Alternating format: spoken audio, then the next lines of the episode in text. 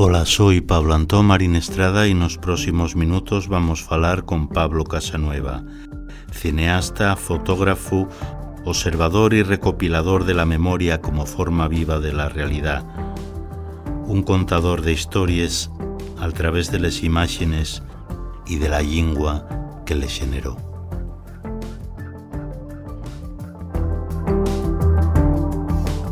Nayuri, un espacio a Fallaizu para falar posao.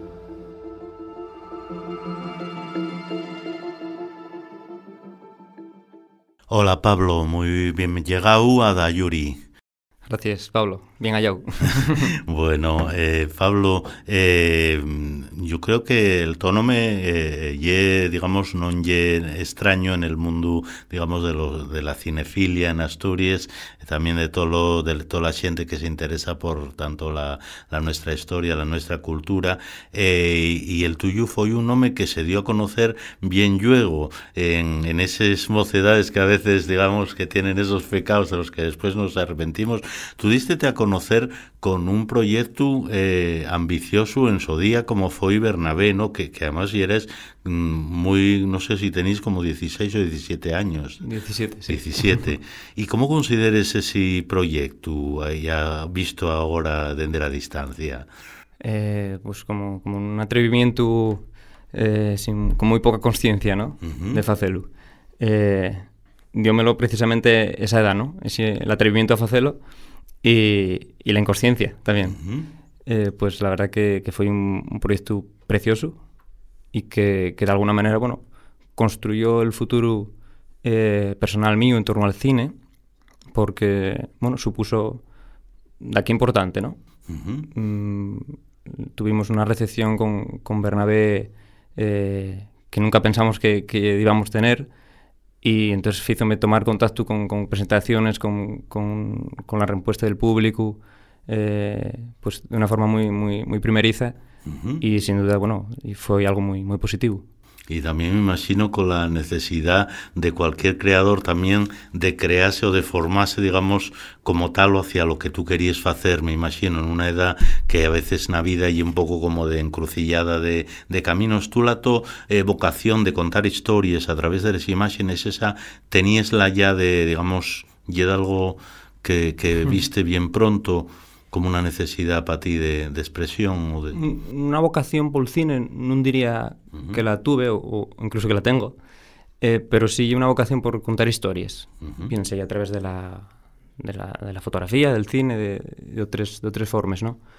Lo que sí recuerdo a veces y, y el estar jugando con los Playmobiles uh -huh. y pedí a mi padre que hiciera un SMS de, de determinadas escenas, porque yo, yo quería como como que eso contara unha historia, ¿no? Pero non era consciente de que eso era unha película. Uh -huh. E topeles non fai mucho e, e bueno, hai da que, pero non yo non, non foi moi inconsciente de, de que el cine, bueno, pues iba, iba a ser importante na miña vida. Uh -huh. Porque tú eres, vamos, eso, igual que cuando los escritores son antes que nada lectores, eres un espectador, digamos, ávido ya dende, dende rapaz. Mm, eh, un espectador non, pero sí un, un escuchante. Escuchante de, sí, de stories, Sí, ¿no? eso sí. Sí me presta escuchar mucho a la xente, uh -huh. eh, estar atento a, a, a como fala a xente, a que cuenten, pero non soy un cinéfilo, moi, uh -huh. moi vamos, dende de, de moi, dende moi mozo. Agora sí, agora aprendo mucho con, uh -huh. con muchas películas, pero pero cuando fice Bernabé podía contarles con, la, con, con los dedos de la mano, yo creo. Uh -huh. Pero sí estaba esa necesidad, me imagino. Eso, el, el entorno, tú naciste en, en Ribesella, mm. criaste eh, allá en, en Ardines, imagino que en esos tiempos, incluso para, eh, para alguien de, de la tu generación, la gente o la gente mayor y tal, todavía contaba historias o todavía contaba la su historia, ¿no? En, ahí en... En, en, en, los espacios públicos, en el Chigre, en el pueblo, la, la gente cercano, sí. eso, ¿cómo descubriste que ahí había también un filón del que tirar y que podía explicar también la realidad presente? Tengo, tengo claro que, que la, la me criado en, en Ribersella, en un pueblo pequeño, o, o en Ardines todavía, bueno, una aldea, eh, bueno, condicionó sin duda la, la mi manera de, de, ver el mundo ¿no? y de relacionarme con él eh, personalmente y a través de la obra también. Mm, tienes contacto con mucha gente, contacto cercano, diario, que en una ciudad eh, non lle tan normal. El, el falar con col vecín, con la vecina, con, con, con los guajes eh, de la toquinta, con muchos de ellos y con los mayores, con los más pequeños, ¿no? Es una ciudad non se da tanto y, y en sin duda condicionóme mucho. Eh, yo tengo un hermano, Iván, que me saca 12 años, en, entonces, bueno, eh, tenemos mucha distancia y, y digamos que, que, la mi infancia en aldea está bastante solo eh, y eso fízome, bueno, pues poner quizás la orella. Uh -huh. y, y, y de hecho sigo haciéndolo. Y, y, vamos, y siempre con la, la tofa herramienta, digamos, tanto expresiva como de comunicación, eh, de Bezu y tal, y la lengua asturiana. En ese entorno, ¿y era también un, un elemento vivo de comunicación de la gente?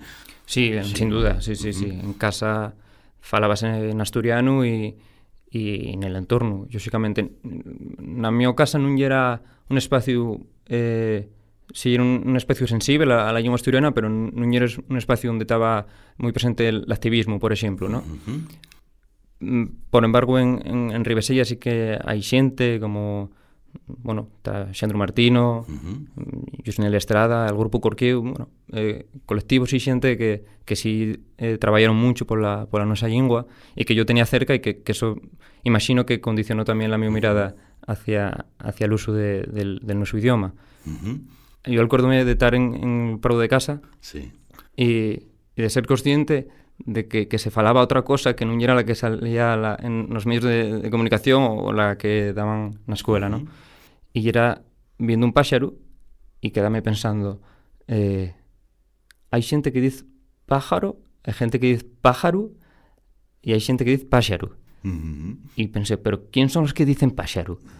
E, e venime a la cabeza mi abuela e mi tío Vicente, el mío padrín, e, e entamar aí a, a ser consciente, ¿no? Que, que é un proceso pero interesante que, que yo tengo moi grabado. Y ahí además un concello donde se junten, digamos eso, por un lado, la cultura campesina y sobre todo de, de, impronta ganadera de, todo el oriente asturiano, con la cultura eh, marinera, ¿no? Del mundo del mar muy presente todavía en la vida cotidiana de, de, la villa, ¿no? Y de, de la gente de allí. Eso también resultó, digamos, particularmente sugestivo a la hora de explicar, o sea, que parece que vivimos en un mundo eso, urbanizado en un Asturias donde predomina, digamos, esa todavía la, la huelga de lo industrial, ahora pues de la industria ya más tecnológica o de otro tipo de cosas, pero que parece que sigue marcando eh, ese devenir que, que siente que, que se vivió y se crió en entornos ayunchados un poco del centro, siguen presentes esas otras culturas. ¿A ti eso cómo, cómo lo viviste o cómo lo vivías tú? Sí, para ser un concello tan, tan pequeño, son 12 kilómetros, uh -huh. a la larga danse muchas realidades y, y ninguna es la, la que normal, normalmente solemos atribuir a Asturias de, de la minería o uh -huh. la industria. ¿no? En este caso combinense la mar y, y, y el, el, medio rural, ¿no? la aldea.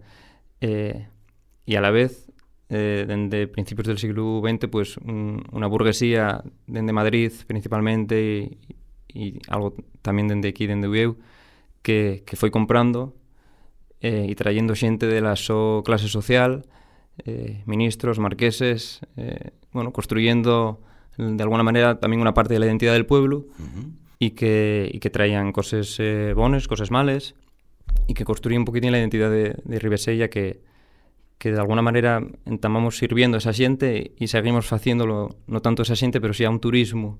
Uh -huh. Agora ya somos camareros todos, de alguna manera. Eh, yo por suerte tengo, tengo el, el, la suerte eso de estar un pouco distanciado de, de ese mundo en el que la mi generación está trabajando continuamente, eh, de camareros y de empresas de aventura. Uh -huh.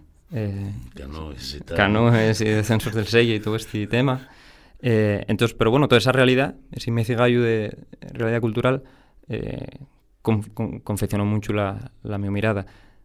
Lingüísticamente tamén e un, e un, un concello interesante, uh -huh. danse eh, dos isogloses, el, el paso entre el asturiano, el dialecto oriental y el central, y, y pasamos de, de cuerres de decir las javes, las javas, perdón, de cuerres a, a torre les javes y de torre al, a, a Carabia les Faves, ¿no? Uh -huh. Y en 12 kilómetros. pues sí, una, una bayura, una riqueza que, que hay una yalga.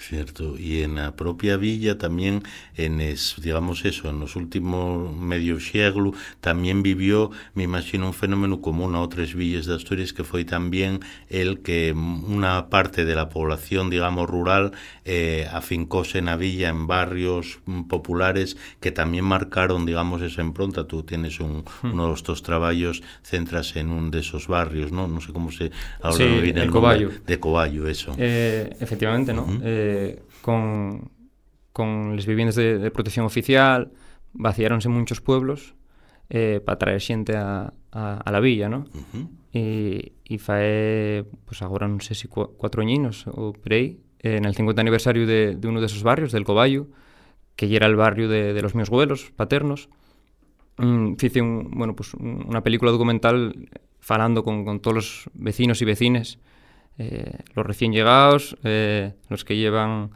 muy pocos años viviendo aí e toda unha generación de, de xente que, que efectivamente foi uno de los primeros pasos para vaciar as aldeas. Uh -huh. Fue un proceso que, que siguieron ahí esas generaciones que son las de las de los dos vuelos, las sí. de los míos y, y, todo eso que marcaron también y que expliquen también mucho de la realidad social actual sí, ¿no? de Asturias, ¿no? Pero tú, vamos, digamos, les, esas historias a las que hacías referencia al principio, que oíes y tal, eh, en la tu primera película, en Bernabé, eh, centrábense o, o hacían, digamos, eso, camín hacia un periodo de, de la historia contemporánea eh, nuestra, como y era el de la guerra civil o el de la posguerra, que a ti interesóte particularmente, ¿no? Por les huelgues que sigue teniendo en el hmm. presente, afortunadamente todavía hay, digamos, eh, testimonios de, de, personas que vivieron esa domina, digo, afortunadamente y también desgraciadamente sí. que la mayoría pues tienen ya una edad, digamos, que, que probablemente, bueno, pues eso, dentro a lo mejor de la de 10 años o de más, okay. a lo mejor ya no hay testigos vivientes de toda esa domina. Eh, ¿Por qué te esmorecía sobre todo eso? Por ejemplo, el, el, la génesis de eso, bueno, podemos igual hacer un, como un pequeño paréntesis también en por qué te llevó a ti a, a, a contar la historia de Bernabé, de algo que ya era eh, un personaje con, con categoría de, de mito, de ¿no? Sí, sí. Mito popular en el más amplio sentido. Mm. ¿Cómo te llevó a ti esa historia y cómo decidiste que era algo pues que, que necesitaba contarse, Contarse. que necesitáis contarlo? Eh, a mí llegóme oralmente, uh -huh.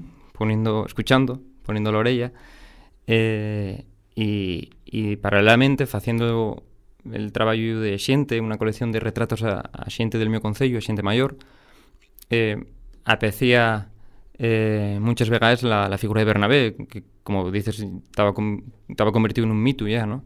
Uh -huh. Tanto era un mito que no se sabía si estaba muerto o vivo. Eh, la mitificación llegaba hasta la su inmortalidad casi. Y, y fui recopilando esas historias orales, después y ahí el, el famoso libro de Gómez Foud, que, uh -huh.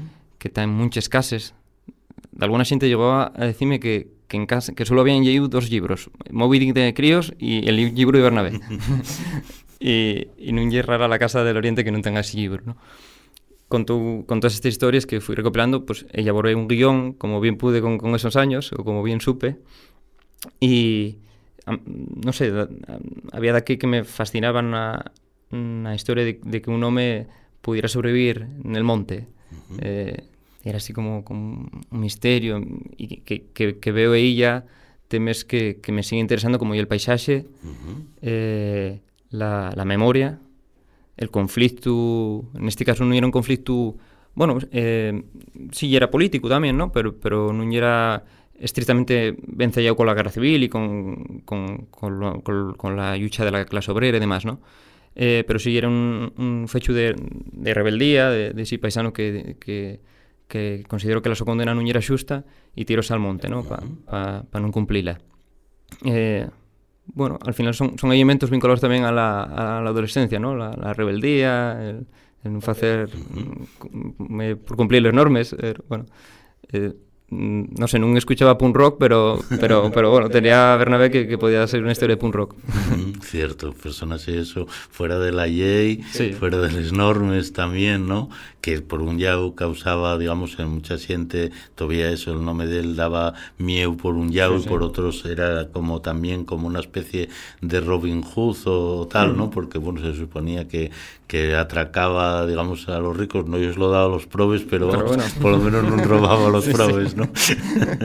y era un paso, y era un paso. Cierto, pero ahí sí viste, me imagino también que detrás había todas esas historias que también relacionadas con el monte, con la resistencia, con la guerra civil, que tuvo ahí incluso eso en, en Ribesella y en el propio Sella, uno de los últimos episodios con Mazuco ahí muy cerca y, fue ahí, digamos, donde tal, esos fueron, digamos, historias, fuiste ya buscándoles o fueron buscándote a ti esas historias. Bueno, una mezcla de ello, ¿no? Pero, pero sí es verdad que, que tomé una conciencia más específica con el tema de la, de la guerra civil y la represión franquista y la lucha de la, de la clase obrera, ¿no?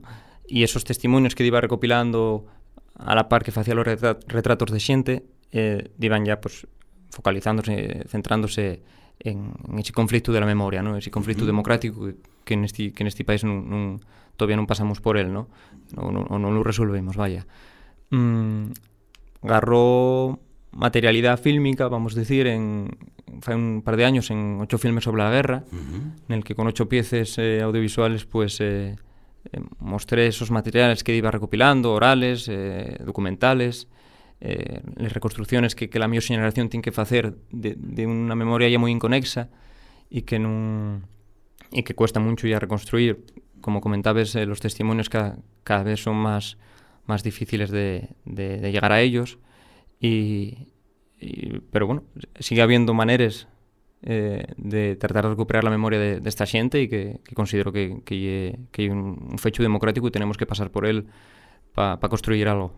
Que un interés compartido con mucha xente que fai cine en Asturias, sí. tanto en documental como en outros xéneros. Eh, a, como expliques tú, digamos, ese interés de generaciones que hai tamén, digamos, e vemos desde les que vivieron esos tiempos a les que lo sucedieron, aí hai como un, un vacio, un medio, e les generaciones que siguen a ese vacio hay un interés por, por conocernos ¿no? a través de, de un, mm. una historia que nos fue de alguna manera tergiversada, ocultada o, o callada directamente. ¿no?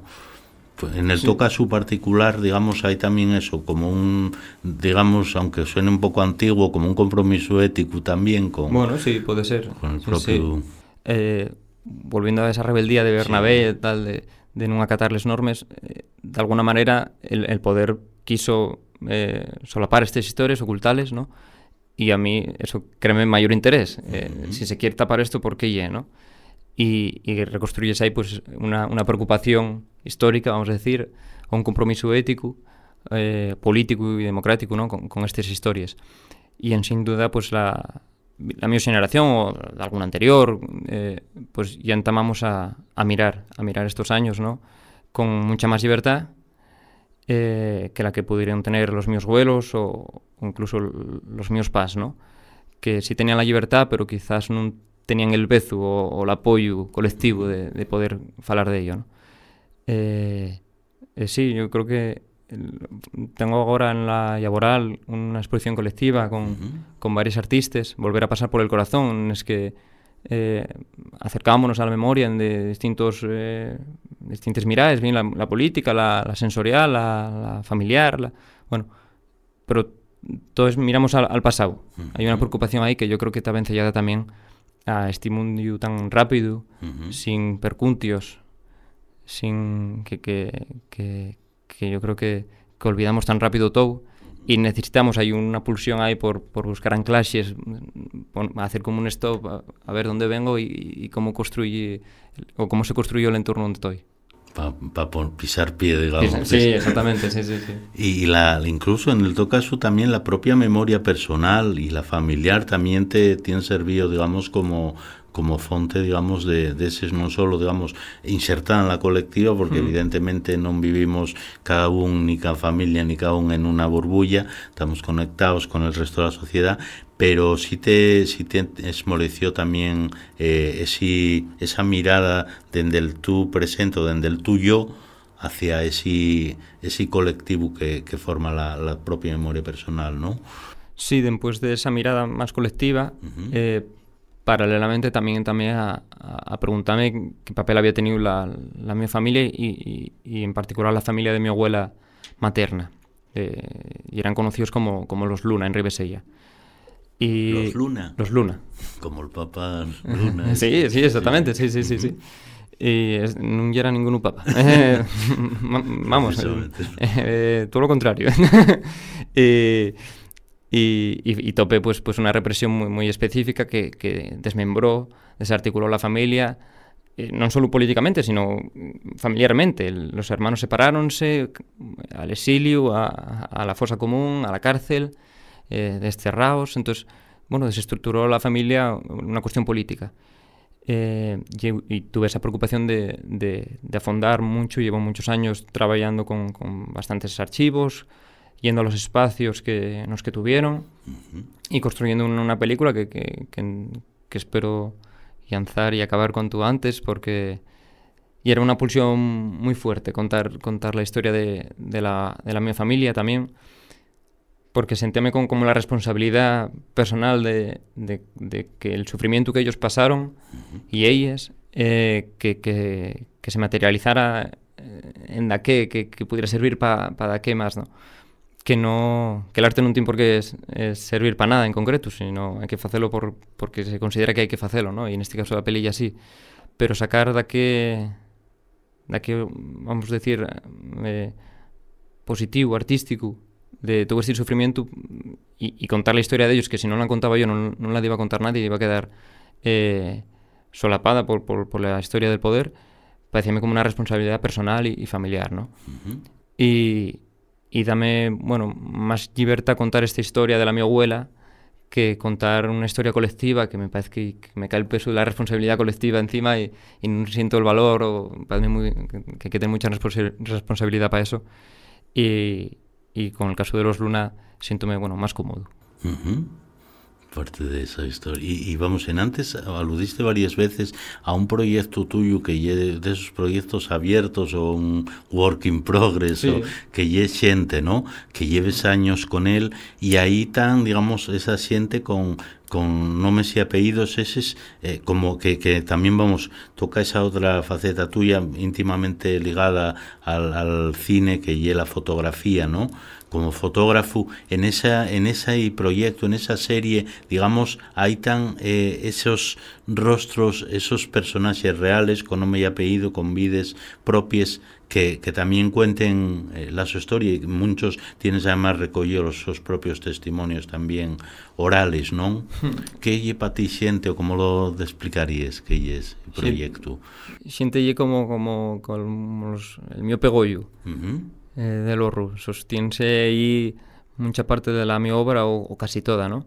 Y un, un proyecto abierto que, que, que continúo muchas veces eh, trabajando en esa línea, vamos a decir, eh, durante muchos años, de, de los, yo qué sé, 16 a 20 y pocos, 21, 22, eh, recorrí, percorrí muchos pueblos de Ribesella con la mi moto, eh, uh -huh. haciendo retratos a la, a la xente mayor e interrogando ellos pola súa vida non eran entrevistas eh, vamos, moi vamos a decir científicas, antropolóxicas eh, yo sempre repito que yo non soy historiador soy, soy si soy algo cineasta ou traballo con as imágenes y, pero sí que, sí que yo recopilaba ese testimonio vital que, que me traxo tantas historias eh, eh, tantes pallabres evidenció la existencia dunha lingua que estaba aí eh, eh, digitalicé ellos muchos archivos fotográficos personales uh -huh.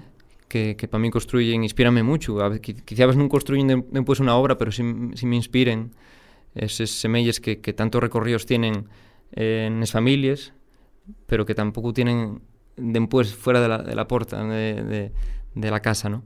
Una película de Luna en la que estoy trabajando de, en torno a la familia de mi abuela, el gran peso de la imagen lleva luego el archivo familiar fotográfico, ¿no?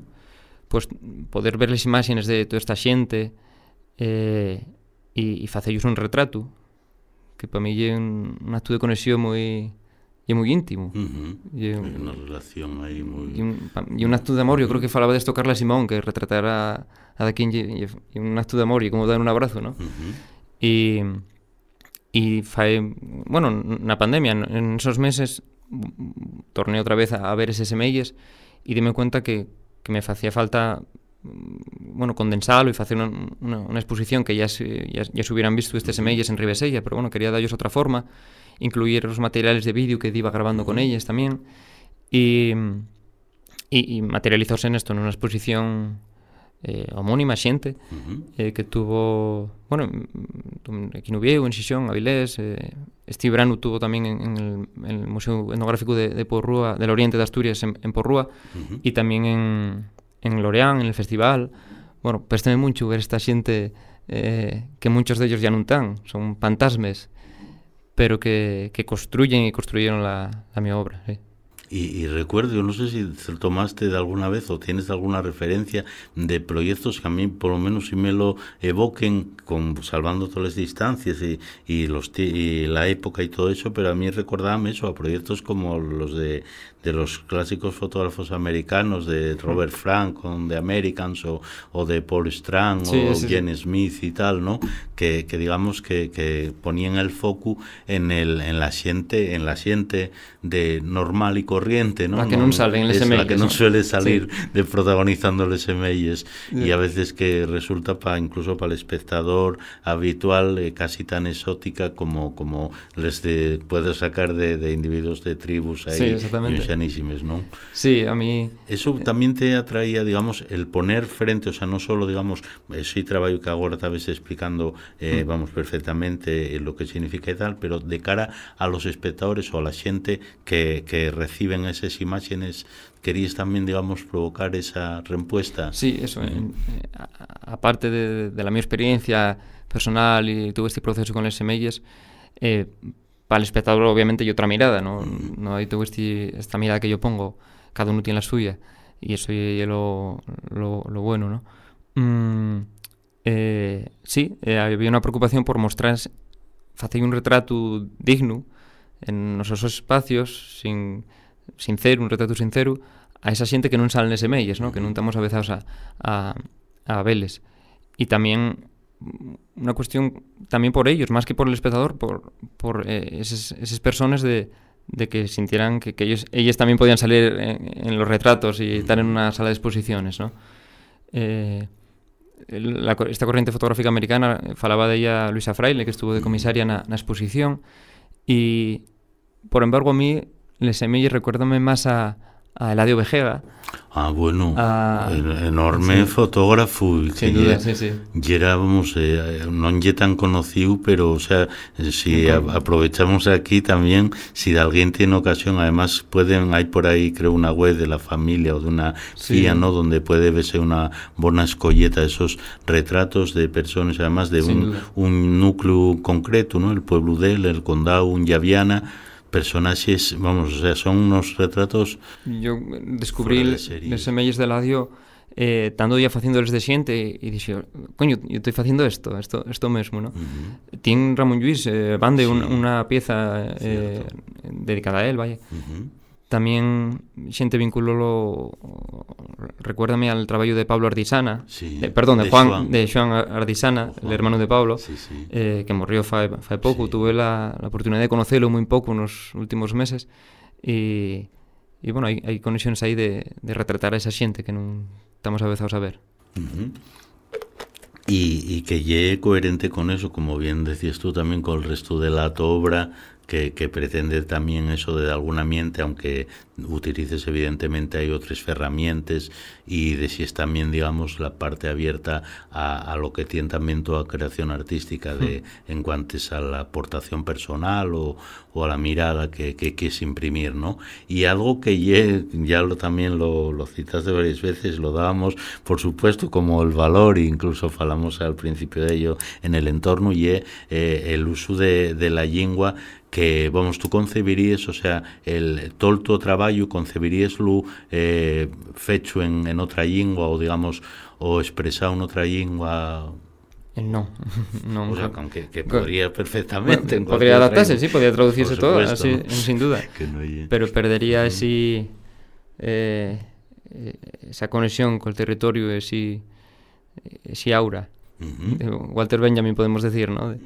Que, que hay da que hay que, que lo ancla al, al sitio y eso per un llau, ¿no? Y, y per outro la lengua na que yo pienso, sueño y, y falo cotidianamente, entonces sería como unha impostación, ¿no?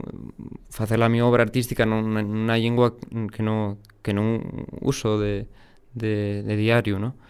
Eh, e eu, aparte, tamén lle un posicionamento político. Uh -huh. Falo e, e, e construyo a obra nunha lingua que mucha xente non, non reconoce.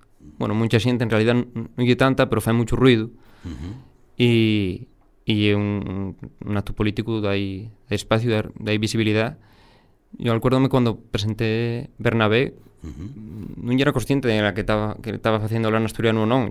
Ficela na lingua na que me contaron a historia, na que sucedió la historia e, e na que yo falaba, ¿no? E yo igual les presentaciones de aquí en, no, ni me acuerdo, eh, díxome eh, de xuro que dicen que por qué non la ficiste en castellán, que así podía de ir a no sé, a León o donde fuera, ¿no? Sí, sí. Como si tuviera que ir a a, a París tenía que subtitularse también, sí. O, o, tuvo en el, en el, Festival de Lorient y, tu, y, tuvo que subtitularse aunque tuviera en castellano, ¿no? pero bueno. Por embargo, la xente non me dixo nada nunca. Uh -huh. En tuve un comentario de, de veían lógico que esa película tuviera na, na asturiano e, e de alguna maneira estaba normalizado ese fecho, ¿no? E, e facer la obra nesta lingua, pues, tamén é un, un camín para para seguir en el proceso de normalización. Uh -huh. Y tú, vamos, aparte del tu trabajo, digamos, más personal o creativo, tienes también explorado, digamos, medios como el de la televisión o, vamos, con ferramientas del documental, ahí tienes esa serie sobre los quesos uh -huh. de Asturias, ¿no? No sé si tienes algún otro proyecto, interésate ese medio también o crees que está por, por explotar en el buen sentido de la palabra las posibilidades que oferta más allá de, del entretenimiento que como a veces se concibe. Yeah. Eh, sí, eh, obviamente no na televisión hai un camino todavía moi fondo por traballar e, e tendremos que pararnos a definir que, que lle agora la televisión, si la televisión lle, lle enchufar la televisión o, o lle ver YouTube en el teléfono o Twitch, ¿no? Supongo que, que dentro de unos años habrá que instalar, igual que instalamos el, el, el ¿cómo era? El, la televisión digital terrestre, sí, sí. ese aparatino claro, que nos pusieron, claro. habrá que adaptar ahora a unos años a la xente a, a poner Twitch ou algo así, ¿no? Eh, e un camín que que non me non tengo unha pulsión como tengo por contar unha historia como, como la de Luna ou ocho filmes sobre a guerra, por exemplo, ¿no? Eh, pero é unha unos traballos que, que me que me faen poder comer todos los días, esa costumbre que tenemos. Entonces, y, y estoy agradecido también porque puedo trabajar de, de lo que me presta, ¿no? Que con la, con la imagen. Eh, bueno, también estoy agradecido por, por estar en Asturias traballando de, de, de esto, ¿no? Que, que non lle un, un espacio moi propicio. Eh, hai mucho por facer en el sector audiovisual en Asturias. Eh, la, la televisión autonómica non me parece que, que cumpliera con as expectativas con as que se, se fizo, ¿no? non hai muchos non hai un texido audiovisual construído e, e especificamente en el cine pues hai, hai mucho traballo que facer, ¿no? Pero bueno, estamos en ello. E, yo consuélome que, que como está tú por facer, hai mucho que facer e iso é, é motivante, ¿no? Pues sin duda vamos y estaremos también atentos a lo que faigas ahí que eh, a partir de ahora que, vamos que siempre resulta yo creo que de, interés y recomendamos a todos los oyentes de este podcast que llega al Sofim. Aquí como en unos medios como la televisión también tenemos el tiempo y, y vamos. Muchas gracias Pablo por la tu conversa y por las cosas que nos aportaste. Gracias a ti Pablo